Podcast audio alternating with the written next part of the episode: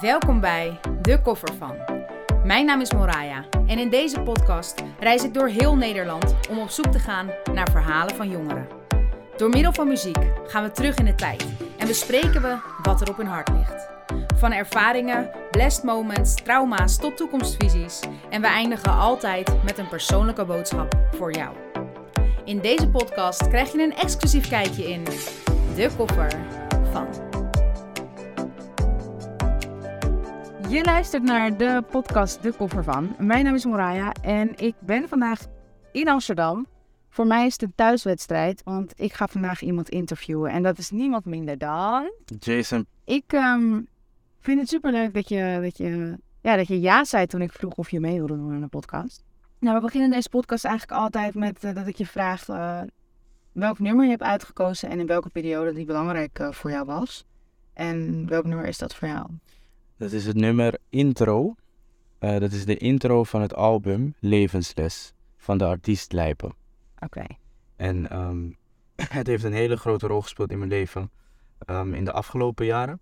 Ik denk, en dan heb ik het echt over 2018 tot en met 2021.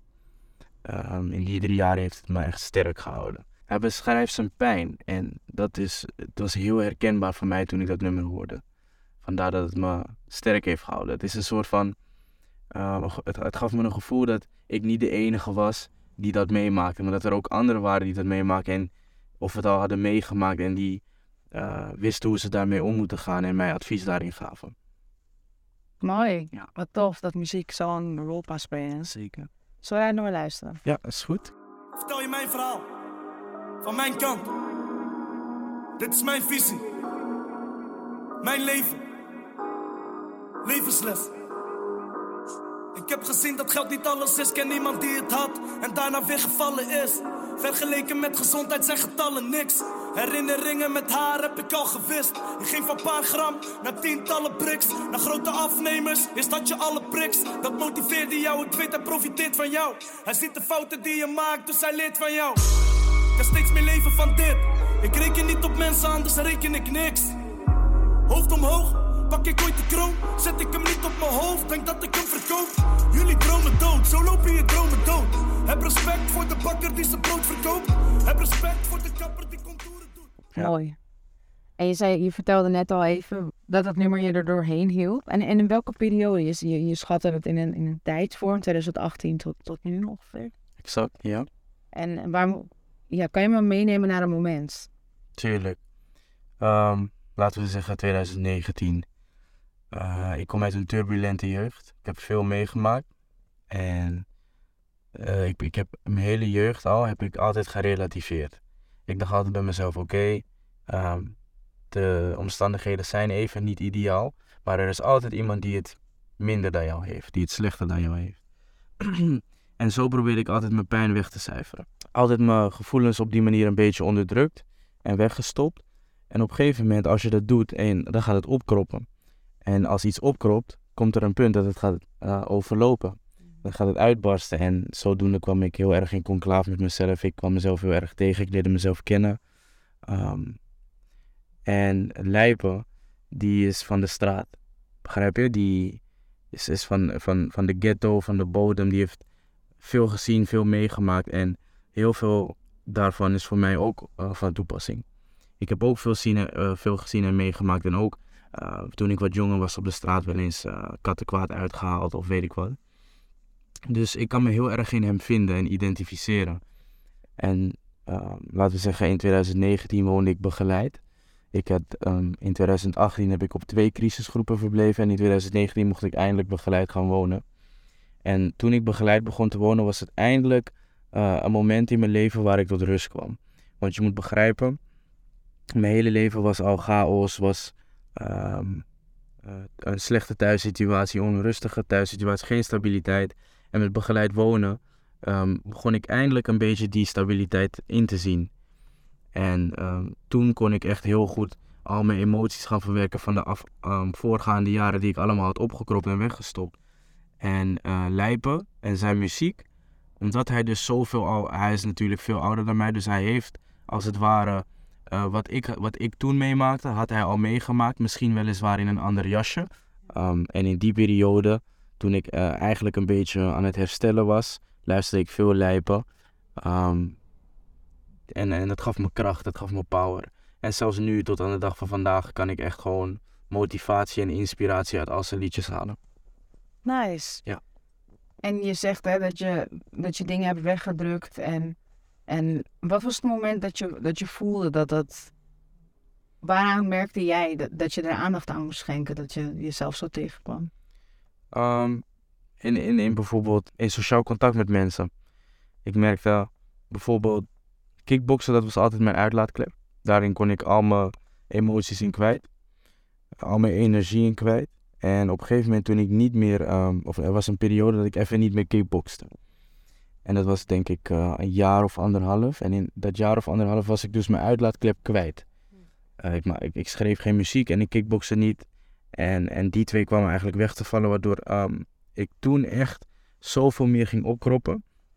Waardoor ik heel snel kon uitschieten tegenover mensen. En dat komt dus gewoon door alles wat ik heb meegemaakt in het leven. En eh, eerst had ik dus wel die uitlaatkleppen om het enigszins te ventileren. Maar toen die wegvielen, toen merkte ik aan mezelf dat ik eh, best wel beschadigd was. Ja.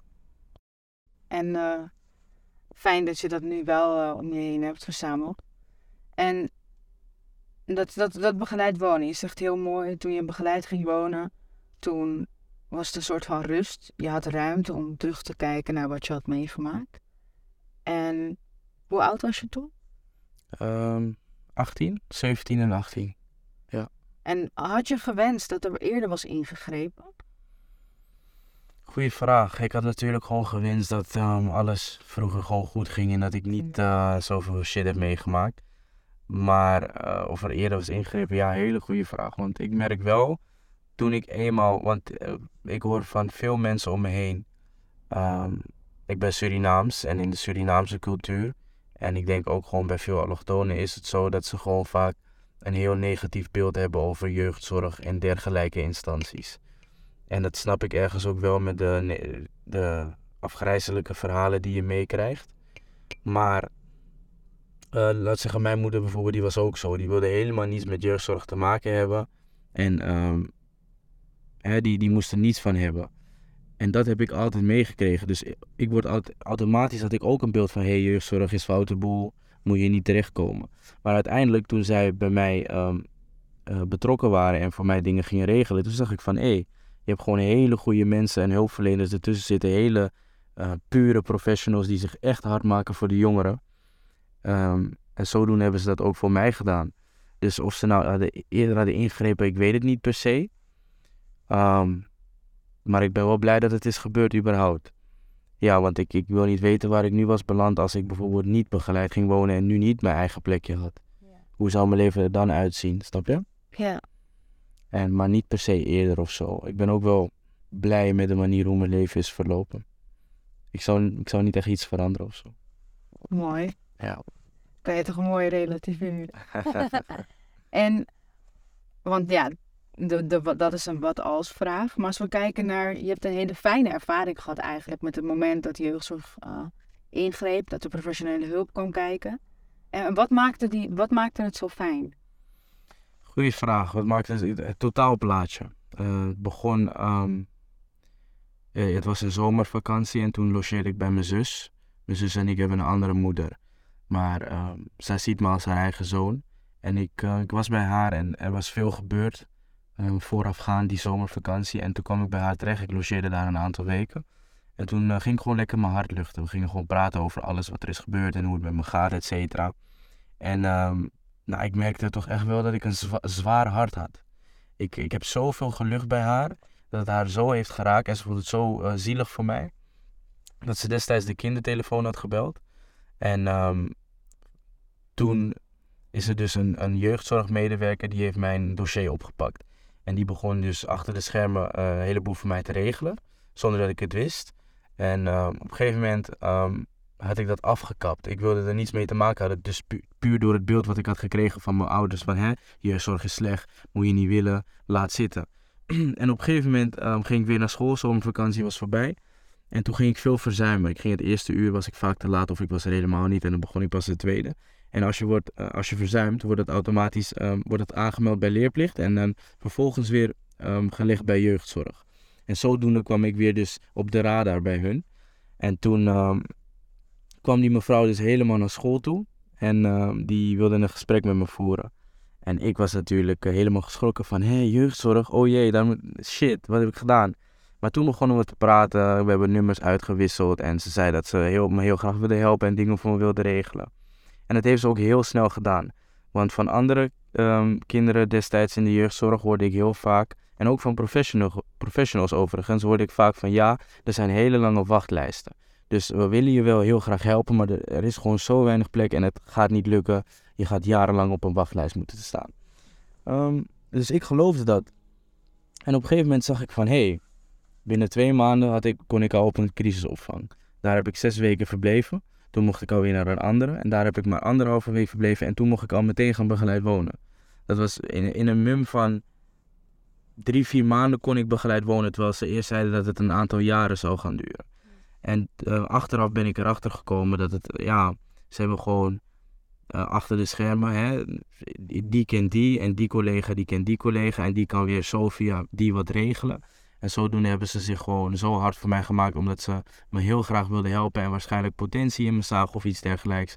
Dat ze gewoon meteen voor me hebben geregeld dat ik begeleid kon wonen en, op, uh, en zo weer verder kon stromen naar mijn eigen huis.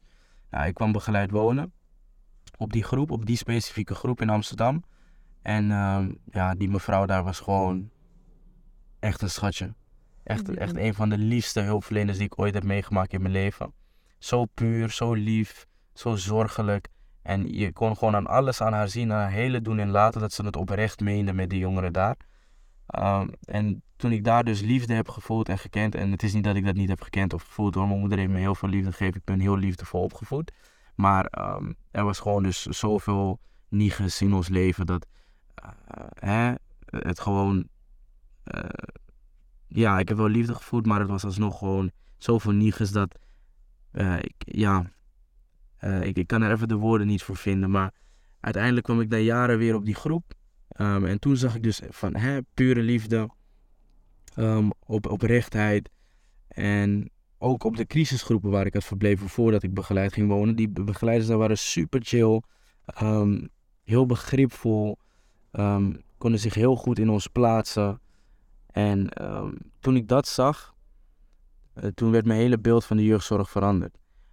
Dus waar ik eerst het beeld had van, hè, ze, ze, ze foute boel en het zijn allemaal, uh, ze, willen, ze willen gezinnen breken en, en kinderen afpakken en wegstoppen. Want dat kreeg ik mee uiteindelijk zag ik van nee man, dit zijn gewoon mensen, pure mensen die ook gewoon goede bedoelingen hebben en uh, hun hart maken voor de jeugd. En zodoende heeft dat me geïnspireerd om zelf ook dit werk te gaan doen. Dus ik volg nu een opleiding social work, profiel jeugd. Ik zit in mijn derde jaar. Um, en uh, ik wil later dus ook de jeugdzorg in. Ik zie het je ook echt helemaal doen. En ja. ik denk echt dat ze een topper hebben als, uh, als jij hun zal begeleiden. Ja, een ervaringsdeskundige, hè? dat is ja. altijd handig. En waar ik nog even benieuwd naar was, dus je gaf aan van uh, je zat op een crisisgroep, daarna crisis en toen ging je begeleid wonen. Wist jij je traject? Wist je waar je naartoe werkte? Werd dat met jou besproken? Of? Um, ja, ik had een trajectbegeleider. Uh, trouwens, ik had twee trajectbegeleiders. Eén die was dus um, toen, die, die werd van jeugdzorg overgedragen naar de instantie waar ik begeleid zou wonen. En um, dus eerst de, de jeugdzorgmedewerker, die was mijn um, coach als het ware en mijn begeleider op het gebied van de twee crisisopvangen. Toen ik daar in die twee crisisopvangen terecht kwam, toen was zij, ging zij daarover. Zij heeft me verteld van, hè, ze doet haar uiterste best om begeleid wonen voor mij te regelen. Ze weet alleen niet binnen hoe snel dat zou gaan lukken. Ik had gewoon geduld. Ik moest geduld hebben. Ik had die geduld en ze hadden dus heel snel geregeld, echt binnen twee maandjes. Ja. En toen kreeg ik een nieuwe trajectbegeleider. Um, en hij, hij, um, hij heeft me ook niet precies een datum gegeven of precies gezegd van hoe of wat. Maar hij heeft wel zijn uiterste best gedaan, waardoor ik dus binnen twee weken begeleid kon gaan wonen. En pas toen ik begeleid ging wonen, toen kreeg ik een, een trajectbegeleider. En toen gingen we echt wekelijks aan de tafel zitten om mijn traject te bespreken en hoe of wat verder. Ja. ja. Dus voelde je je voldoende betrokken bij, bij het proces? Eh, toen ik eenmaal begeleid ging wonen, zeker, tuurlijk. En daarvoor? Daarvoor was het wel nog even, ehm, ja, een beetje, hoe noem je dat? Het hing een beetje in de lucht. Afhankelijk van. Het hing een beetje in de lucht. Hè. Het was nog niet zeker en ik hoorde zelfs dat ik soms, dat ik misschien jarenlang moest wachten. Maar gelukkig was dat niet het geval. Maar ehm, ook als ik bijvoorbeeld nu eh, kijk of om me heen hoor geluiden in de wandelgangen van jongeren die nog steeds in de jeugdzorg zitten. Uh, bijvoorbeeld 16-jarigen of 17-jarigen, die, die, die maken dat ook mee wat ik heb meegemaakt. Voor hun hangt het ook in de lucht en ze weten niet wat er nou precies gaat gebeuren. Dat hoor ik wel nog steeds, dat is wel jammer. Er luisteren nu op dit moment professionals die actief zijn. In, Mhm. in, die die hulp ook aan, aan jongeren aanbieden. Mhm. En ik ben een beetje aan. ben zo benieuwd wat je hun nog zou willen meegeven. Of er nog een, dat je een specifiek iets is. wat jou dus zo heeft geholpen dat je zegt. dat moeten jullie ook doen. Of is er een andere boodschap die je hun zou willen meegeven? Ik denk dat het sowieso, ik, eh, de boodschap die ik hun wil meegeven, ik denk dat hun dat sowieso al doen. Dat is ehm, door je oprechtheid gewoon te delen. Hè, jongeren, ze zeggen het ook heel vaak, jongeren die voelen aan wanneer een, een hulpverlener oprecht is of, of het met ze meent of puur is of goede bedoelingen heeft. Dat, dat kunnen we aanvoelen. En ik voelde dat aan bij hen. En ik denk als je gewoon met goede intenties erin gaat en met een puur hart, dat ehm, die jongeren dat alleen maar kunnen waarderen. Tenminste, ik in ieder geval. Zeker. Ja. Ja. Oké, dus dan is dat een beetje die oprechtheid. Die, eh, die staat dan ook misschien B- tegenover. blijf puur, blijf oprecht, blijf eerlijk en blijf transparant. Ik denk transparantheid is ook heel belangrijk. Hè? Laat die jongeren weten waar hij of zij aan toe is. Als er even geen vooruitzichten zijn of eh, ja, het blijkt een beetje, het, het, het is niet per se hoopvol, maar gewoon nog een beetje zoeken. En laat die jongeren dat ook weten, denk ik. Dat, dat heb ik wel gewaardeerd. En dat is gebeurd? Ehm, dus toen ik eenmaal op mezelf eh, mocht gaan wonen, dus van het, van het begeleid wonen uitstromen naar een eigen woning. ehm, destijds zeiden ze van, ehm, ja, je moet je eigen woning zoeken. Dus ik, ik, wist niet dat ik van hun een woning zou krijgen. Ehm, dus ik, ik keihard zoeken naar mijn eigen woning, kon hem niet vinden natuurlijk. En eh, op een gegeven moment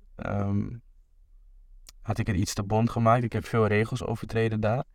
En toen, eh, ze hebben me heel veel kansen gegeven en elke keer ehm, kon ik niet goed omgaan met die vrijheid en die kansen. Op een gegeven moment zeiden ze van, eh, we gaan er een stop aan zetten. Het is genoeg geweest, eh, je moet hier weg en je hebt een week of twee en dan moet je je eigen plek gaan zoeken. En ehm, dat heeft me tot besef gebracht van, hè, oh shit, ik had het eindelijk voor elkaar en nu heb ik het verpest. En ehm, toen ben ik dus weggegaan, maar met heel veel ik heb echt oprechte spijt betuigd en um, nog mijn tweede kans gevraagd. Die hebben ze me gegeven. En toen ik terugkwam, had ik na een maand mijn eigen woning. Dus waar ze in de eerste instantie zeiden van... Nee, sorry, we kunnen je niet helpen aan de woning. Die moet je zelf regelen. Uiteindelijk um, liet ik daar tijd overheen gaan. Ik heb regels overtreden. Ik ben weggestuurd. Toen kwam ik terug en toen opeens kreeg ik wel mijn eigen woning. En toen konden ze het wel op hele korte termijn regelen. En... Um, Achteraf heb ik dan geluiden gehoord van de wooncoaches van ja, jij hoorde hier eigenlijk helemaal niet terecht. Jij was gewoon eigenlijk een, uh, een, een, hele pintere jongen. Alleen het werd jou heel lastig gemaakt in het leven. Jij hoorde eigenlijk niet op die groep thuis, dus we wilden je gewoon zo snel mogelijk helpen aan een huis. Terwijl daarvoor was het nog onduidelijk en kon het niet. En ik vraag me af hoe dat komt. Dat, op de dag van vandaag vraag ik nog steeds af van hè, eerst kon het niet en toen opeens kon het abrupt. Dat vond ik wel een beetje controversieel. Ja, Ja. kan me voorstellen. Dus haar, daar hangt eigenlijk nog een beetje een vraagteken van. Zeker. Wat, uh, wat is de aanleiding geweest voor de vaart? Ja, en, en als ik het dan zelf moest invullen, denk ik gewoon bij mezelf van... Uh, ze kunnen heus wel uh, heel snel wat regelen voor die jongeren als ze het willen. En uh, dat is nog maar de vraag, wanneer willen ze het? Misschien zagen ze pas toen ik terugkwam dat, dat ik misschien toen pas ready was en daarvoor nog niet of zo. Ik weet ook niet op wat, op wat ze die inschatting baseren. Maar goed, uh, ik heb gewoon gezien als, als, als bijvoorbeeld professionals of jeugdhulpverleners iets willen, dan kunnen ze het voor elkaar krijgen. Bij wijze van spreken, um, uh, een voorbeeld dat ik dus op die groep terecht kwam binnen no time. Eh, toen heb ik dus een jaar op die groep verbleven. Toen ben ik na een jaar weggestuurd. En in dat hele jaar heb ik niet, ehm, ben ik niet uitgestroomd. Ik heb niet mijn eigen huis gekregen. We waren nog volop ehm, aan het, bezig, um, elke week aan het kijken naar mijn traject. En pas toen ik werd weggestuurd en terugkwam, toen kon ik wel binnen een maand, binnen no time mijn huis krijgen. Dus ik vraag me af, waar ligt dat dan aan? Wanneer willen ze het? Wanneer kunnen ze het regelen? Ik denk dat ze daar wat transparanter over mogen zijn. Ja. Dat, dat biedt de jongeren ook vooruitzichten en perspectief en zekerheid. Wat je heel mooi omschrijft is dat je dus op, dat oprechtheid gewoon heel belangrijk is. En dat als jij dat jongeren dat aanvoelen en jij voelde dat aan op het, op het eerste contact, eigenlijk wat je weer met iemand had vanuit de jeugdzorg. En is dat dan ook de boodschap die je ze wil meegeven? Heeft daar ook mee te maken oprecht zijn, transparant zijn? Oprecht, transparant, eerlijk, puur. Ja, dat zijn de vier dingen die ik zo wil meegeven. Ik wil, wil je in ieder geval heel erg bedanken voor je bijdrage aan deze podcast. Graag gedaan. En eh, Jij ik hoop dat eh, de professionals die luisteren hierover na kunnen denken. En eh, daar gaan ze ook weer een mooi vervolg op maken. Dus eh, ik ben heel erg benieuwd. En eh, Ik ook. Allemaal op de hoogte. ja, ga ik doen. Dankjewel. Deze podcast werd je aangeboden door En Jeugd. En ben jij of ken jij nou iemand die ook graag iets zou willen delen uit zijn koffer? Laat het ons dan weten. Meld je aan via www.moraya.nl. Tot de volgende keer!